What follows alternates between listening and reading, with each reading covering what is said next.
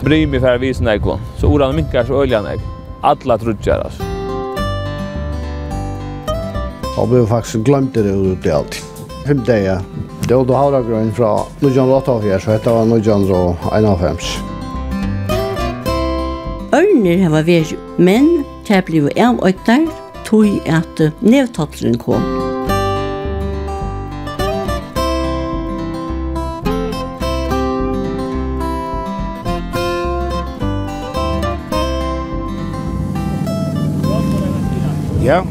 Vi er nu er vi ut til et sted som jeg har sett og tellet til ferier, og som er nekko vøkron og hotekande mynton.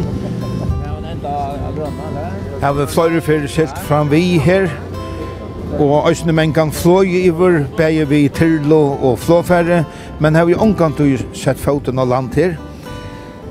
Det er vi nå, før jeg løter. Bateren selte ur Sørvaje og tog og kom så i Bø, som er iver av her. Nå så kjører vi da døysen fra Gansandel. Og dette er et uh, spennende sted. Dette er uh, ikke en odds, Det er en halvmor. Ja, hent han, hent han, jeg får det. Legg han om, ja. Ja, men det var så godt. Takk for det. Takk for det. Hette er tenthalmur. Vi så ikke nian av tentanar hene. Hvordan er det tentanar øyta? Ist er nu lukle brei i bakten. Ja, klart. Her er det som man ser begge punkter, her er dårlig vever. Ja. Da jeg kom til Butcher i morgen, så det ut som det er kvutta i alle stedene. Jeg vant ikke å stå på land. Nei, av fjøren slipper man alltid av landet.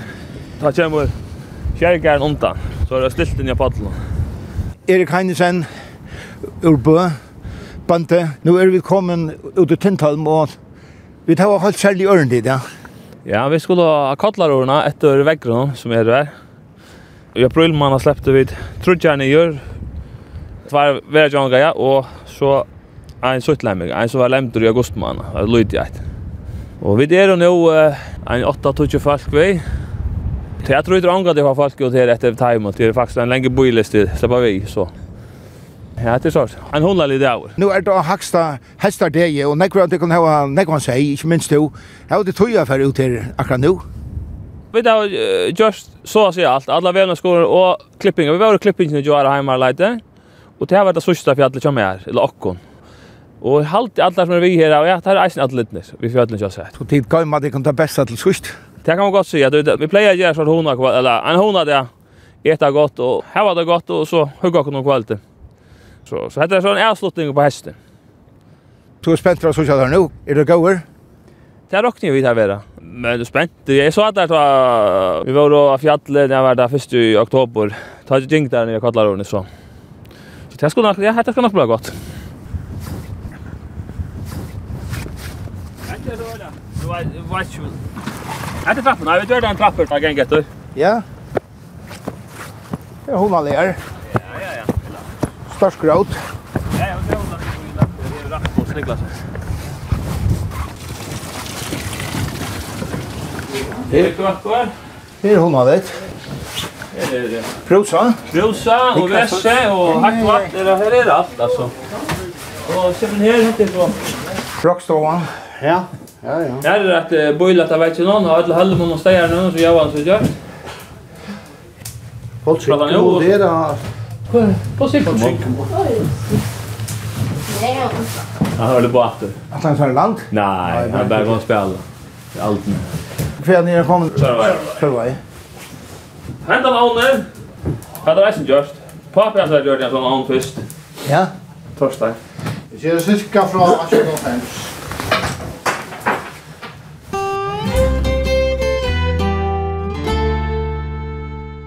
Jørgen Niklasen. Om sommeren er du ofte her ute som feraløyere, tja folk som kommer ut i Tintholm. Hvordan er ferie folk kommer ut i Tintholm om året? Det ligger mellom 500 og 1000 alltid om året. Videre flere som skiftast. Hølmeren fer noen øyre på til, så det gjør vi gjerne. Og det er hovedet. Det meste er, er føringer, meste er, er arbeidsplass Og um, de tidsast øyne også jo i uh, hølmen og, og ble overrasket av gosse større han er. Uh, jeg får jo ofta spørningen hvor er dette en um, hølmer og ikke en hodg. Jeg har ikke då svære. Så hoksa jeg meg selv at det har nok nekka vi at onker bo her. Men, men her har vi folk bo i tintølme i 1600-tallet med en uh, kvalpinga søkt om at det var bygg i Lutteldøymen, og sønner slå på ikke. Så det var ikke årsøk. Så uh, har vi haft flere folk ute, og ta er en køn som forteller for meg at definisjonen er at det er en fløta vi sjekker rundt om, her det er en åarløker. Og her er ungen åarløker i tintømme, jeg vet det var bare en kjelt. Hesa søvna forteller jeg så, till några kvalpingar vi i färra land och se att det här man var några tvatt. Tog ju lutteldömen i reisen bara kälta. Så jeg får å nu nå det grundar vi inte, jag leta i, i språtene, orabösen. Og her stender om en åtts at det en flöta vi sjekker rundan om som er større enn en hølmor. Så også man sjön så får jag leta en hölme. Og hølmor, her stendur bare i årabøkene, en lojtel åtts.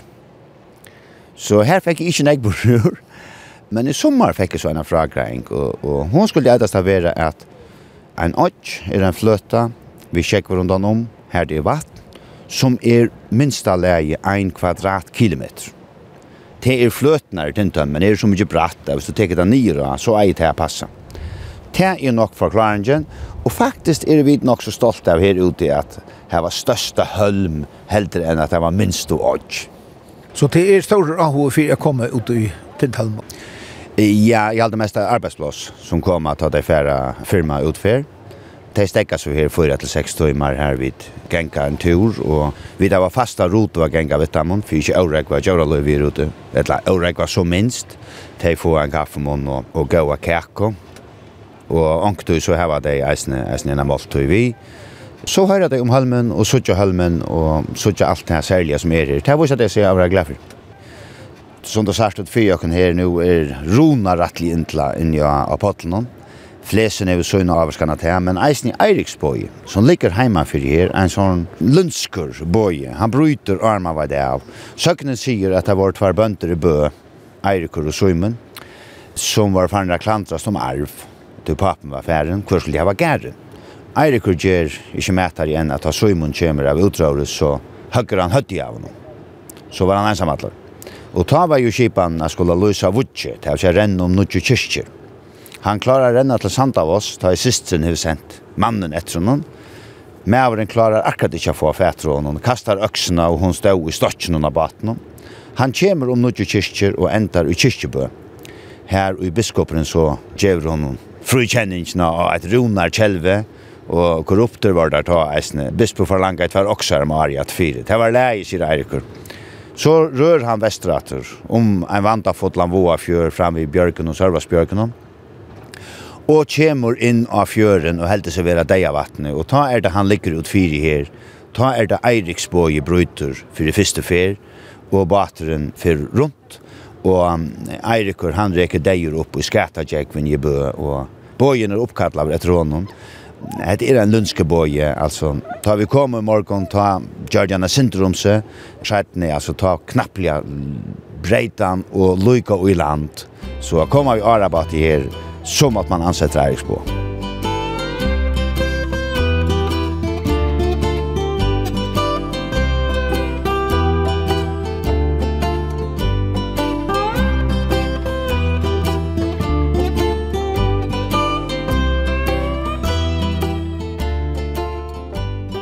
Johannes Niklasen ur Mewaie. Du har vært nekve ute i Tintalme? Ja, det har vi vært. Det er faktisk. Det var det sommer jeg sier jeg var smadrange. Pappa min først, og så sjølve. Tid det var alltid ått ui her ute i Tintalme? Ja, det var ått siden jeg faktisk lenge har kjøpt det her ute. Så er det bare arva. Her er godt å være, jo. Som er det gå vekk, jeg er snu i ringe vekk, slags, ja. Alt er godt. Så var det väck från Ödlund. Från daglige. Frigjør. Kanskje ikke så lenge frigjør nå, så jag färdfondar har jeg så ut. Jeg har en halv styck färdfondar så tar det upp allt bedre. Er så där til du her, alla hur ute? Jag kunde jag vara ensam alla ta i flera lunta ta jag inte ensam alla. Eller Ellers er det bare hårt. Ola søker fast där ute. jeg har vært helt fast och i 20 år aldri, la mig Og pleier den å få ut av fem mass og sånt. Hva gjør det ta? Jeg tar her og halda av det døla søker ut. Nästa lukka som vi har med vi, jeg har gått prøva det, men... Og her standa tvei hus. Tvei hus, ja. Hette det eldre? Hette det nek hus husene, jeg ser jo cirka 1805. Det er bygd nek at han har kjøpt og tindt dem, ja. Hini er fra 2000 og kvart, 2. Her stod en, en skurur av som er fra 1940 alltid. Et eller annet sted. Det er eier så åtta gittel til hus. Ja, det er det her familien tja, den halvmørkje tja gamla Niklas når stod. Det er eier han tar over hus. Det er eier så, alle eierne, det huset. Men til nekka særlig til øye og intentalme? Ja, for så. Det er det bestemt. Gustav? Det var det ikke. Det var det ikke. For meg er det kjenslig, jo, det vil si. Det er arva. Pappa min er arva da fra pappa sønnen. Og så er vi her, så det er alltid ikke man er å selge. Det er, det er alltid ikke. Så kan man komme her som man vil, løsning. Mykje natt og ha det godt, ja och för ett kommande resning. Bönder det har vi ofta använt. Det är de har väl runt. Men då är det så för 20 år så. Det kommer kanske att då det börjar inte äldre. Är det hur att blir med hur att så släpper du inte på landet. Vi då åkt ligger ut om vetran så har det vi till och ut. Så mycket tojna kalva och sånt. Det brim, det är flott där. Det kan inte livet vara fastor, her. det? Ja, og det er livet fast. En av er helst. Ikke vi fast. Det var da telefonen kom. Da begynte jeg på et agert hus i stand. Da ble jeg faktisk glemt det ut i alt. Da lå det fem dager. En trodde det er åtta mæt. så er det? Nei, det var ikke godt. Det var ikke godt. og trudger. Trudger og en hund. Hunden var det ene som var mett. Hvordan klarer vi det? Jeg avtaler at Det skulle komme etter åkne en del, men her kom han ikke. Så vi hadde gjort alle møten. Åte til så skulle etter, og så fikk hunden alle dest. Men så gikk det ikke det her, det kom. Da måtte vi glede, som det gjør det fint. Da er jeg ikke bodde med å se, her var det ikke. Så da kom han sånn om morgenen etter åkne. I mener det var høstkvall, da skulle det være etter åkne. Og så var det i fire, da? Ja, det var ikke vi var han ble det er alltid. Det har talt vid allt. Det var då har jag grön från Nujan Rottavjer, så hette han Nujan Rå 1,5. Så vi det är ju lugnt. Havra grund och vatten. Hette så kjöter så att du döjde. Torshavn, 4. juli 18. fors. Emmor, det må være... Det er mermor. Mermor som åtta. Ja, ja. Jeg hette kjøtt i Norrsov ja, Daniel når så. Og han lene efter Rujtje Daniel. Her stender alt priser og alt da, eh? 6.000 og 400 kroner. Det blir nekv ta. Ja, tar er sånn at slopp, jeg har slopp kostar i om nøyjande om 20.000 kroner, så det er veldig, jeg synter alt. Det er ikke tinkelig seg for en, jeg tror jeg fem 5 stender, jeg tror jeg fem. 5 Da har det kjøtt i haft, det er ikke det å. Så du har skrivit ont det, så er det åtta.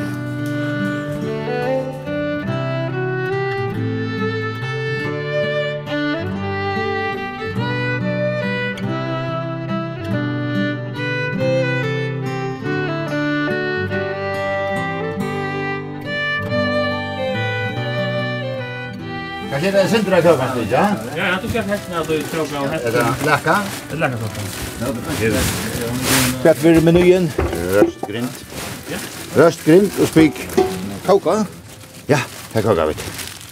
Nej. Det ser gott ut. Ja, här är inte mist inne. Det ska tøyta seg så gott ut. Så Jørgen Niklasen, du er kommet vi ut at matjera. Ja, ja, jeg er veldig mer det letteste arbeid, så Så men måste gänga svenskar om ankom ankom att göra med att göra dövra så därför är att tackas vi nå. Så vi det här var rasta grint och det var sindra av läkar salta om speech. Jag hade för att koka sindra att och så sindra att bant och läkaren så. Så vi får få en gåvan dövra ta i väggarna och männen kom att dra borden. Så heter den gåvan rattor det här ute i tintalna? Ja, det går ju en rattor. Eh här ute i etavid. av det var allt möjligt alltså men sälja ska det vara först. Inte miljonbuff. Ja, det alltså det kanske hos man är familjeturer ute men men saltköttet jag brukte ute och så så gå han först ska med ta röna av allt jag var vi kom så man kan slå sig sönder brinkarna med man när man är. Ah, yeah.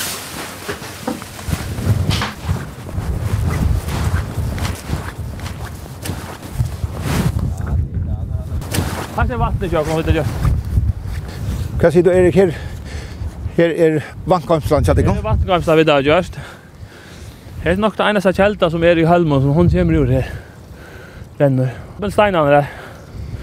Så har vi gjørst en tanga fisk som peker, hvis jeg eier så kommer ut, så dette nere båten og sånn her.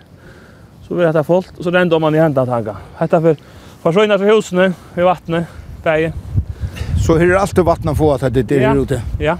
Jeg vet ikke hva tannstek, man stekker en 800 liter Ja.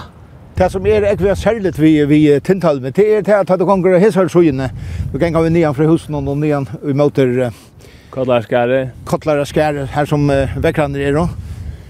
Ta ser det ut som alltså ett ett naturligt lente, men och hinner så är det ju bara bort ner alltså. Ta ser ut som halmern är lika som brott ner. Ja, här är større nyr. Ja, jag syns jag, det är oranden in men också snö jag till orar hem till vet jag kallar orna. Mi orarna är att vi tindan här och så hemma står det hemma. Så här är det centra bit i hinna skyne. Förr var det större oran alltså. Ta karta skäni då men det här var störst i Naguar. Jolingar och Jimbra ner då oran och tog där av vattnet. Ta var Men det bryr mig för att visa nägvån. Så oran minkar så öljan nägv.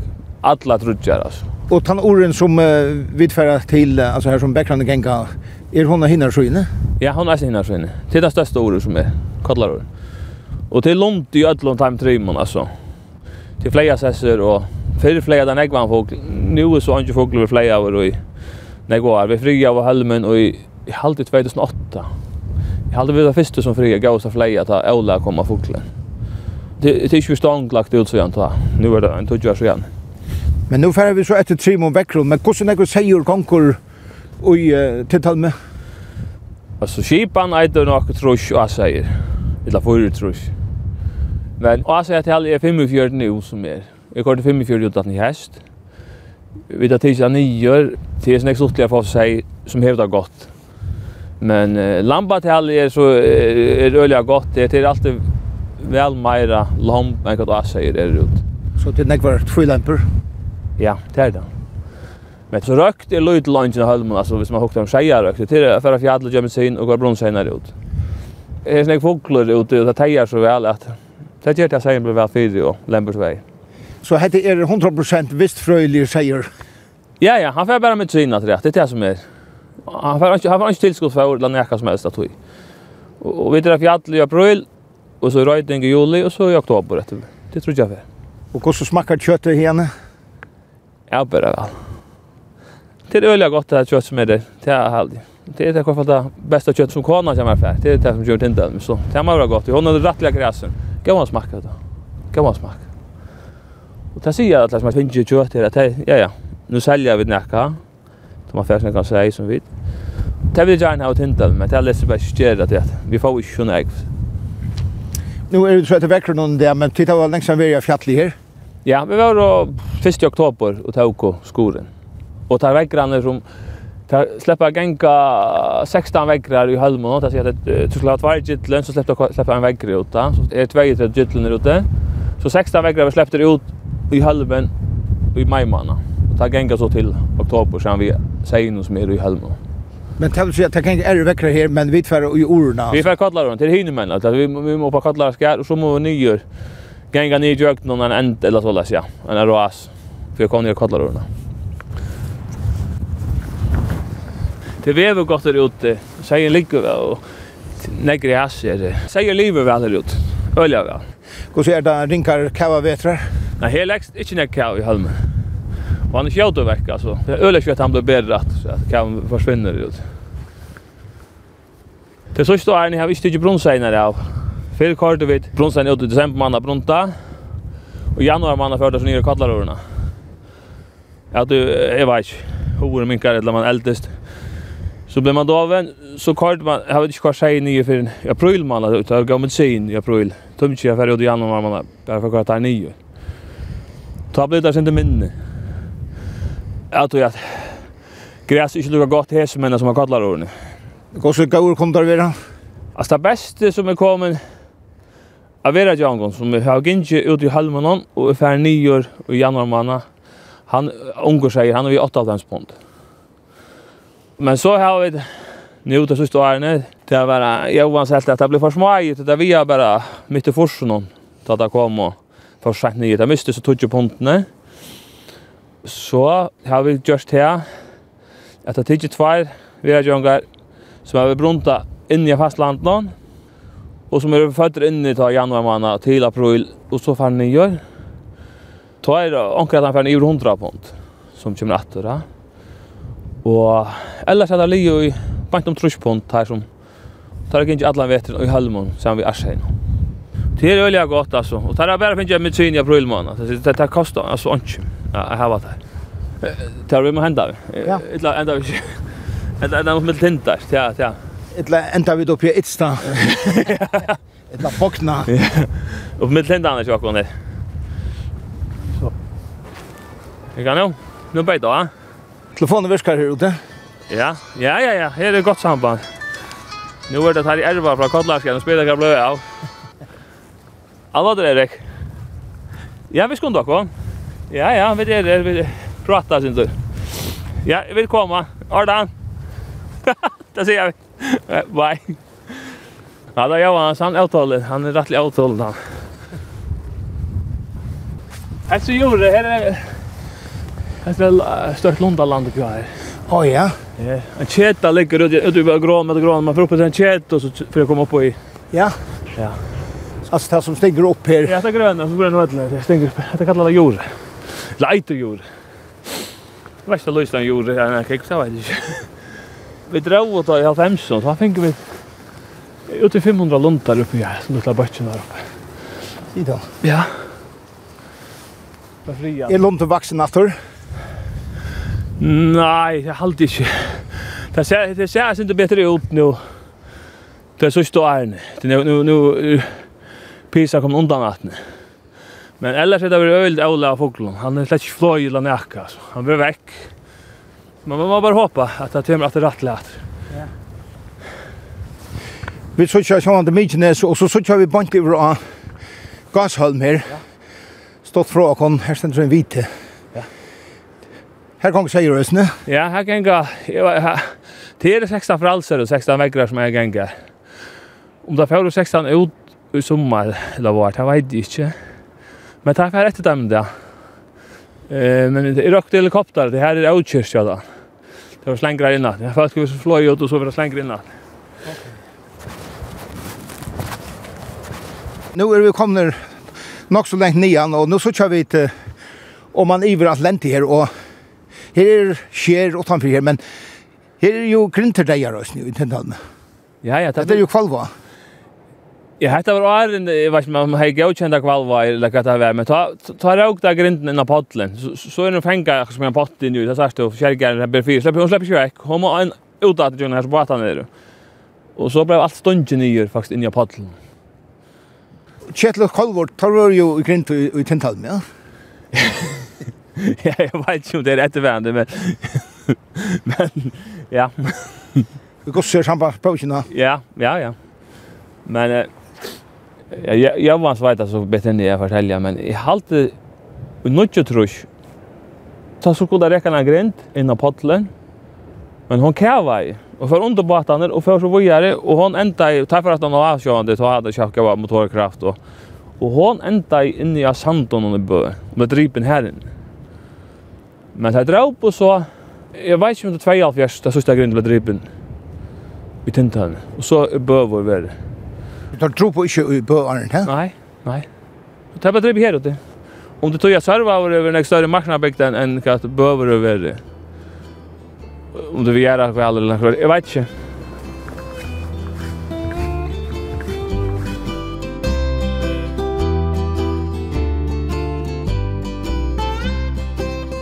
Lydia Laxafoss og i Mivaje. To hever stedfest ved at uh, granska søvna og kjøl at folk heva bo i Tintholme. Hvordan fikk du AHA 4 Tintholme? AHA kom av tog at som baden så fikk vi fortalt at um, en familie bo i Tintholme og en dagen er gav over sted så får maveren til utrører og konan hon er så heima etter og hon hodger. Og hon teker så ei lute batten ut og legger til å sove medan hon hodjar utanfyr seg. Men tar kommer en ørn og teker battene og flyr vitt og oppa ernatint. Og mamman fer så sjølvandi at han også at, at røyna bjerga batten og hon klyver helt oppa tintin. Og hon fer så fetri i batten men det er alt for sent. Ty ørnen hun er pikka egin ut av batten og batten døyr. Og ta flott ut det så ur at og tintølme. De ville ikke være her til det, så vant de ikke til jeg var ørner og de kunne gjøre skeia. Så de flott ur at og tintølme. Det er den søknen som er vi hørst. Og så er det for jeg leser Andreas Veie. Og han skriver nøklund av Samus søvna om etter her, men han sier til at det er med som et Rasmus som bor i tintølme. Så er det for jeg er i hitja, så sier jeg til um, Svapo, Av Svabo skriver i innberetninger i 1622 furs, at for 200 år siden nisse Svabo heva født bo til dølme, det vil si at det var omlai år 1600. Og han sier lekstavn er etter en, og husene til eiter her som det er, man kallar det for husatoft. Og Andreas Veie sier som eisen til at han har haft en båt, og båten la vi båtavvik. Og så sier Svabo eisen til at Ørner hava vært i tintalmen. Og i ærna tinti var nekvar ørner, sier han, men han meiner til bliv av øytar, tog at nevtattelen kom. Nevtattelen kom i 1641 til 1841, til så gjørst til at ørner bliv av øytar. Så veit man at om 1600 tar jeg folk bo her, så er det for jeg leiter vartingsbøkene. Og så finner jeg i uh, varensbøkene fra 1619, her er rattar seg kvere, tog det er Løkmauer, Samal Petersen og Svaveren Tjånon, uh, Robert Morsen Lund, tar um, letja seg med Sørengon, til Sørengar har vi slik håp av tintølm. Og teir at her eier tintølm, eller konuna kjad om hun eia faktisk tintølm, så at um, teir at det ikke Sørengar har rett til. Så vi rattar seg, og her er så seks vittner som møter han Og så er det den ene, han eitur Johannes Haltansen, han er uh, fra kyrkjær med Hawaii. Han veit nekk om tintøn, og til veit han fra Jakob Rasmussen som eisen bor kyrkjær. Og Jakob Rasmussen er sånne til Rasmus i Gazatal, sier han, og Rasmus i Gazatal var første mever som heit tintøn. Så at her får jeg så vite til at til Rasmus i Gazatal, som var første mever tintøn med. Og Rasmus har så vært pape til dette vattnet som ørnen for å stave i? Ja, det man må råkna vi at Rasmus for til det passa vel, Rasmus er født i 1590, og, og Svabo sier at folk har bo her omlai 1600 her, så at um, det er Rasmus, han er første med som er her, og han hever tintøyne så lunch i eisene. Andreas Veie sier jo eisen til at, at Rasmus han fyrir tintøyne tog at han var så ringra fosvi, og tog av om tintan. Og så kan man råkna vi at Rasmus er født i, i, 1595. Jeg så ikke eisen i tinnbøkene i 1620. Ta i Rasmus Steffensen i retten hon, tog han sli en mann nyer. Han hever um, sli en som heter Olof Johansen til gjerrer, og han skal så bøta fyrt til tøy øyre sylle. Så at um, til han ikke iva stod til han er veri, jeg synes snart og strevende på oss vi. Så at i 1620 kan det passa så kanske det har givit om tintön ta. Det tar en verre med över på en, en 3-5-3 år. Alltså att Rasmus Steffensen träffar man har vid en skifteprotokoll från 1606 til 1616. Tog det er den 20 juni 1613 tar det døtteren, med Rasmus datter, datter som bor i Kvojboj under deg, og så ska skiftet köras upp. Och här och ser man at papen er Rasmus Steffensen och man ser att Ein badkjennare er his nir Jakob Rasmussen som bor i kyrkjær i Moai. Det er tann Rasmus Steffensen og Gassadalen som er Rasmus som bor i Tintønnen. Men uh, Lydia, dette er en spennende søvann. Ja, det er helt sikkert en spennende søv, og det er alltid som er interessant det er man får lykke som kjøter på at det er det er Rasmus Steffensen og Gassadalen som er bo i Tintønnen. Og vi vet ikke hva konan eiter kjønnen, men vi får en høyming av det tog at flere av bøttene kattler første dødsene for Anna. Så man kan råkne ved at hun er i de Anna. Og nå har du brukt selv nekva tog på et her tintalm og søvn ut i tintalm. Har du nekva vært i tintalm selv? Jeg har ungat vært i tintalm, men nå skal det være sommer. Her er lov og helse, så, så må det være noe det er vi allmyntelig stolt å se at vi nå har man sett seg sånn ekvinn ut så det er vi spennende å se hver huset toften er og bata av og alt det der. Så det må det være. Så vi kommer stafes 8-3 lyd, ja. Det er at vi vet at solan bor i Mykines, men ørnen bor i Tintholm. Ørnen bor i Arna til Tintholm, ja. Det er må vi stafesta etter svar på. Og i råkner vi at han, han sier satt. Hei, nevtåten ikke vi, hei, ørnen kan skal være inn.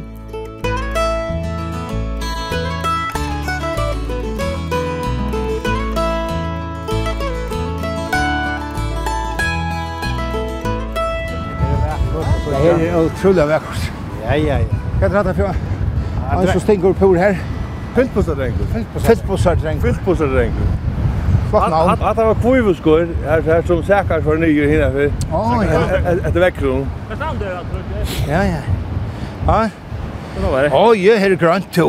Hva er det her da? Ja, det er så. stå, tar det gåer, tar det gåer. Ja, så bare det. Men det er øyel for grønt to. Ja, allt det där Lundaland, alltså. Här är orden här. Västra för Gotlandregion en under Eirstøv, det er i alla stedans. Sjalt om man ser ekka så grønt som er her. Og i januar måned, jeg kørte brunnsegna nyer her. Ta vær og grøna naler alla stedans. Og, og ta løtt oss bare eta beina veien.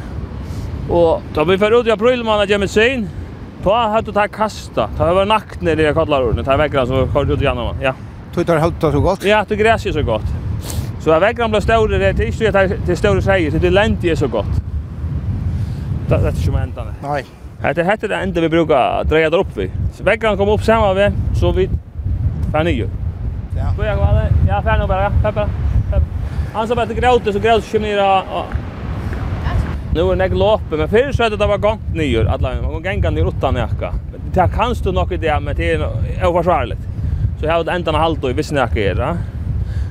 Vissnäka ett nummer, eh? Ja, det var det och bo i flyga av havet där ute.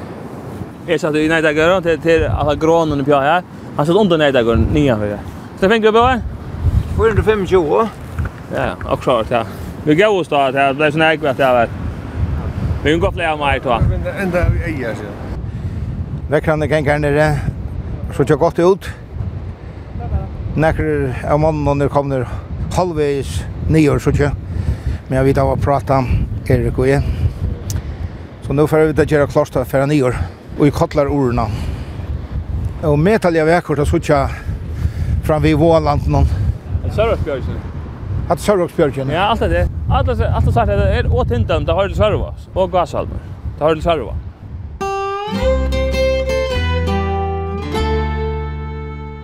Rantar Sol Heinesen og Tauta Boa efter. Har du vært i Kallarorne før? Nei, ikke ennå.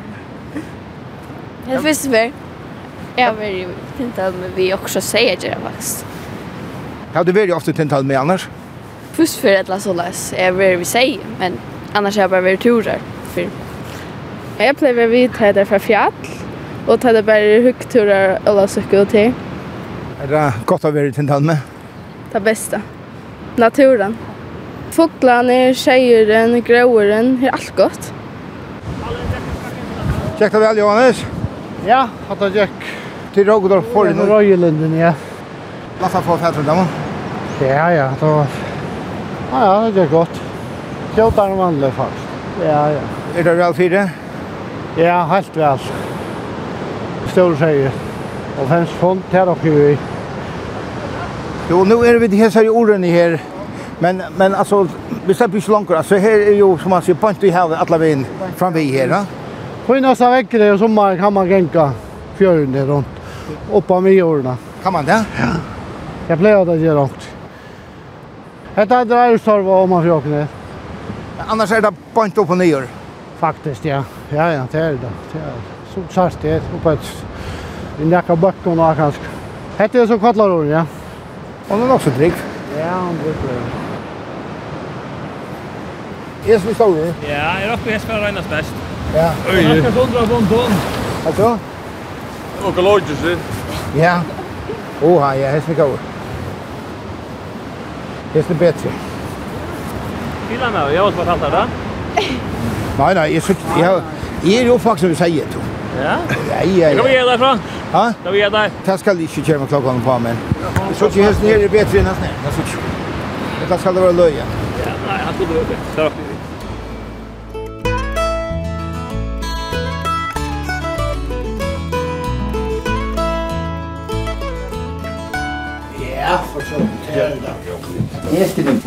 Det er kavkarsvig. Ja, gut. Godt was. Godt was. Takk for det. Sett den nye der. Takk, takk. Godt knæple. Ja, ja, ja. Det er det. Ja, Tänk inte så så det är intressant. Då kan jag köttla spärr. Vi tog det kokas av första grönt då. Då jag kokar. Det var det vi har stajat Jörgen Jörgen Niklasen Kvært hotekur fyrir folk mest her ute? Jeg halde til er bare sjål natturan. Altså, du, du ena kan säga, du kommer oppe, det blir så frisalt. Men, men søvnar. Altså, jeg mener vi at inni av potten og nere, her var jo dribe grind. Og alt kjenner jo fekkar affær. Det er en grinda søgnvags fyre. Her var jo grindebaier, og, og det ble så eisen til for en rikje inn av potlen her, og så ble um, grinden stundje nyer. Og den første kvelden så var fiskhavr opp, han var halavr opp av landbeina ved, og skår jo opp, og så kauka til alle gründamennene. Og ta var det visst nok Viggo Bø som platt jeg var kokker, har vi lett meg fortalt. Han er i tvergryter. Eina som var velkoka til der lokalo, og så til der fremmando, det var bare løpt. Det var, det var hingrytan. Men ta skulle du gå heimara være at etter kvøljen eisen så det ikke tog ilt fyrir seg. Men, men jeg leser fekkar fyr og, og, og være her i tintalme, Alltså jag såg där fyrs här tar han ekor om man äter flötene Ta i i andra fäcken de för nior vid trötteln och tar bara den söcker. För jag att häll om tar upp på sölan är och tar för chepa sig totalt alltså. men men man, man nästan ser fyrs här kvar där här var gintje och och, och stäje och i tusövnen. Men annars är det nekva söver, alltså det är sjövande söknen om Arnaten som är något mest kända. Vi här var ju fem tintar. Jag si at det er øyelig våslir atler. Där enda atler vi i. altså Isti og Erni og Lutli og Brei og Bogni. Og um, vi søkja gossur en grunn som um, hvis vi hitja Luitsindra heimetter her fra husen så er det en toft helten av en er kanskje rige borstor sannsynligheten at jeg var bo her er øyelig år her er alt altså her er vatt her er torv til hita her er seier, her er fugler, og bant ut fire er smekkfullt av fiske, så her har vi vært alt av løybjerga seg vi. Men det bor ikke kjelja lunge. Vi er jo atro i 1620 og 1630, og i 1630 kom rattliga ringtøy i fyrjun, hungersnei. Om det er kanskje eisen jeg rakt her, det er så ein forklaring, men hin vi at ørnene vi tidsi badene er sannelig ein som, som er faktisk er ferna trykker på. Lägger man något särskilt ut att öja gör ut en talme? Ja, det gör vi. Vi vi det här gör isen i hövunden i själva men men hetta är är något helt särskilt alltså det det vi inte bara känslor och allt annat det helt störst. Gustav. Det är ja, nästan en odds som som lukar som vit eja så ligger avskåren som man inte släpper till om vet men man släpper om sommaren. Att gänga en heje förjun i frisalt att vara här är inte bara frisalt. Det här fär man lukar som rensa heilan. Man kommer till ett nytt univers. Alltså till balsam för salarna vi är ute. Så, så man kan inte annat vara glävor och, och jag är inte stolt av att vi är en, en liten parst av oss nu.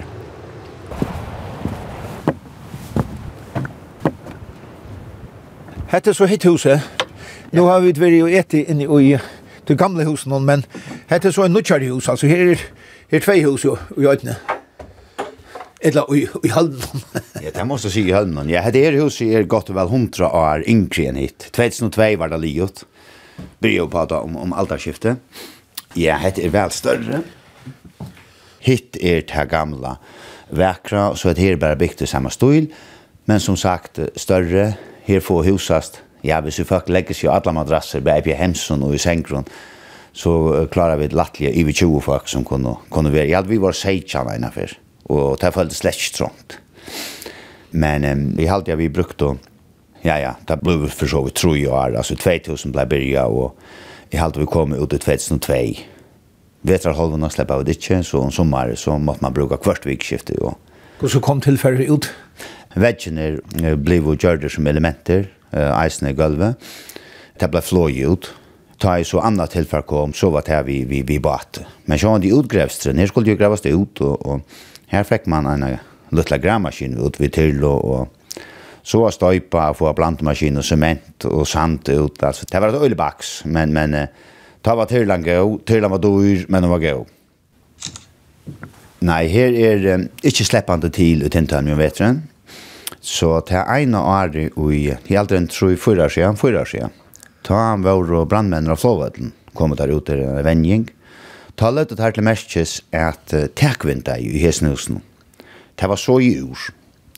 Så dette større tekvinda, det var helt einfalt flå i ur, og her er i steg regna inn og i, ja, vi var der av sjåvra inn, enn jeg trodde fyra måneder, og ikke visste jeg av så her var alt var lagt. Så ta måtte man lukka som byrja forfra. Men til prøyseren, for jeg være en sånn sted, det er at du slipper ikke til av et litt, kvart vi husen, eller vi sier. Ja, vi får bara klinkarna för husen i Tintum, men det stand alltid öppen. Tog det visste sig att ta det var stångt, så blev det något som brått in i dig och just av dig och så så fundar på vad att vi för alla hade stand öppen. Och så gör han ta över angande över näck. Komma folk in så brukar dig och ta upp etsar och lätta husen jag kom pent åter så det att uh, som man säger att jag låser ju där stand öppen. Det var en en sera.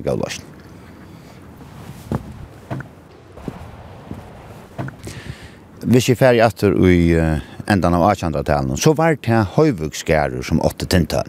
Altså hendan hølmen som er 2 kilometer lengur og hva er han 222 meter høver, til åtte høyvsingar, morgarnir.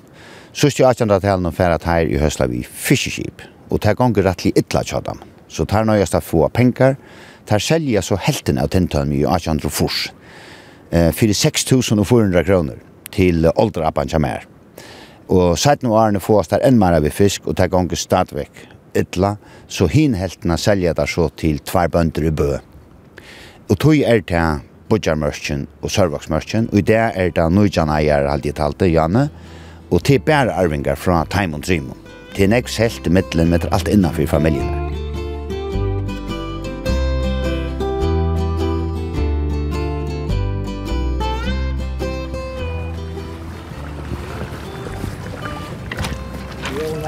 byrjan og ett sjåbord.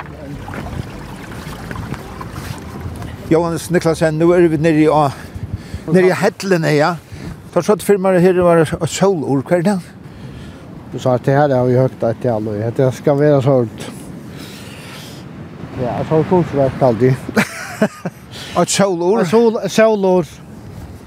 Det er noen lyd, det er sjaldan sjålord for det, så man får ikke tøymaner og Sjaldan er man er ute, tvärför var det så, hvis ikke selv ta, så, så fer man ikke tøymannen og akkurat. Et gammalt er fremme framme undan, men jeg finner det ikke på en jo, men... Banker. Jeg visste det. Hette det gamla solordet? Det gamla solordet. Pinnen så han rustet av vekka. Hette er det som Kjartan Lutzen har hørt i 30 år. Klaren krutjøk og skjer. Ja, det han är halsarungur så han har nog varit här och sommar så har han gjort det bara för det. Så tlaga alltid. Ta man ständer upp ja til dem skallar skär og hickar ned i och så ser det ut som det er helt. Men eh, det som man vet om så har det hatt her i 20 och allt som man sier. Stora Martin og hans han väl nei, han har ikke her i Jeg er det var aldrig det var det. Arne Krutsch. Og lente her eiterreisen i bønnen, og over i bønnen da neste brygg. Han la seg her om sommeren, ja, la ta det ved i Hadjikartøy i julemåned, sent i juli og beste fleia tøy. Ta i fleia menn kom det ut, så måtte han sjå han det vujtja ut husen, eller så var sikkert til husen og det.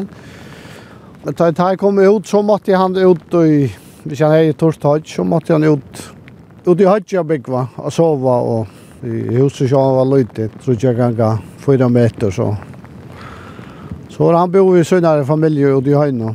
Körsar, er bojde in i höjna, ja. Det har man sagt, gudskjell. Det är som du tog at han har ikke haft gjør her inne? Nei, nei, han uh, flotter om han var så där 20 årna og ikke dyrka när jag kan betala lite av börja vi så han det är ikke haft nok. Så är han sloppen ned så att at eh, syster hans var gift i Niklas. Til drikka, så tog jeg nok slappen ut her og hodja tidlig bare. Det vil jeg sindre avhaglet. Det vil jeg avhaglet, det er helt det, men ja, ja, det er lødda seg noen sjøy, for det tog jeg bare avhaglet. Nu standa vi uh, nedanför berghusen i her, men, men langre vestri er det næst. Ja, her er det næst, og det er bygd i Havfemsson. Til å røyda fogløy. Vi helt at rikka vi alle hava næst der, et som navn i næsta vujje. Halta det ser hampelt ut, men ja. Så er det ikke lunt over så har vi faktisk gjort det til at man kan sove ute bare. La bygg vøy. Så sammanlagt kom det nok så nek folk ligge natt her ute? Ja, jeg kunne nek folk ligge natt. Jeg kom vel tredje folk ligge akkurat mange. Ja, men nå er det godt å komme etter åkken natt og Ja. Det är så dålig av batten. Han är åtalen alltid. Ja. Han är åtalen av linte så att jag... Nu jag där väckran här. Ett hettlen här så tjej och... Gotte kommer in mot det. Vi baten och etter honom.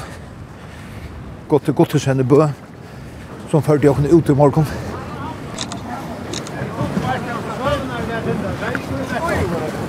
Ja, detta var en dålig tur, Erik. Ja, det må man säga. Det är gått fantastiskt väl det. En god dag. Ja, ja, ja. Det var torst och gott väder. Fink, nu fick vi det där. Och det var väldigt kyrst. Det sagt att det var väl ländande. Så. Och kajen, jag såg inte... Kajen tja det kom som det där var George. Hon fällde så väl en i... Hon är mersk. Ja, ja, vi gjorde en sån här ätlobridge och ta i 2014. En liten kajkant. Vi lägger båtar mot. Det var... Det var bara en hädla och Det får så illa vid batten Hvis vi börjar för en underhällna illa så, så får du batten så illa. Nu kan man så att säga lända i ödla vägri av fjörro. Det vill säga. Det ska väl illa till men inte kan lända så. Det kan kanske inte jalva att komma in på paddeln, till det enaste. Nu sa jag till tog vattnet från vagnhusen och när när kommer folk ut efter i halmen? Är rockne vi i april. Ta, vi pleier för ut i april man har vaska huset og, og så setter vattnet og vattnet og, og gjør alt klart. Det vi alt vaska som skal. Og så vil vill gjøre klart till sommaren. jeg kommer være der ute. Men hva så vi inte färdig ut vid Bergs hallen går. Jo, men ta ta vi bare slipper av land. og ikke mer. Stilte ut kvar balans så får vi där av vattnet. altså, til, til desember. Og nu jeg har slett ikke sett seg, altså alltså seg enn alltså vägrannar men nu Nu så tjat till lika när jag säger hes med igjen? Ja, han han hade han. Alltså jag skulle vara 45 här, så också jag skulle vara. Det är lite näkare under tinton här. Men där blev jag kom här hemma halsen och lägga sig. Jag vet inte när det är nu. Vad sitter jag? Ja, nu var det inte stund där att komma ner och tintan här hästfärd. Han var så vara näst för. Ja, men det är hjärtaliga, hjärtaliga välkommen till att komma på tintan. Det är ett upplevelse, ja? Ja, här är flott. Här kan man höra på sommaren. Men här är bratt, alltså. Här är inte bara, det är inte bara bara för uppe. Men da man kommer upp så är den god götta. Det er den. Ja, nu cyklar vi för bo i Fjärröl med. Och, och där skulle man välja bort men om de vill ha Fjärröl med Lagasöl. Och där valde Tid som med sin löje det att han är pura bärer och, och här rancho och Lagasöl med är då 16 för allt eller vägrar. Det löje också så här det det. Ja, ja, men det är nog för att kopa med där av vatten nu gör han inte något här vägen han långt.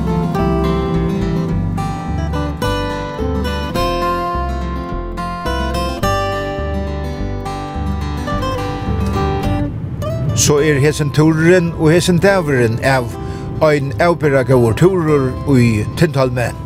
Tøyre trutjer veturkomlo vekraner er og fletter i kvalt og i bø. Og tar røntust vel ta beste vi er i 106 pund. Tar sier at uh, hei han veri flettur som lamp, sørste hest. Hei han vi er omlai 35 pund. Ta vil sier at han nu vi er fyrir så nekv. Og ta nast beste vi er i 1,5 pund. Og ta minste vi er i 1,3 pund. Og ta var en sylempingur som uh, var lemtur i augustmanna i fjør og hei vi er om 15 til 20 pund var det flett som lamp, sørste hest, sier der. Så nu er jeg igjen møyre enn trutjaferer så nekv. Så det må være saftig strå som tar få i kottlarordene i tenthalme. Det blir øsne til at lorsta og heimasøyene tja kringvarpnen skriva kvf.fo framskak tt. Og vi tauri og tauri hever øsne sujo av Facebook. Takk fyrir fylgje. Vi tøyrast attur om øyna viko.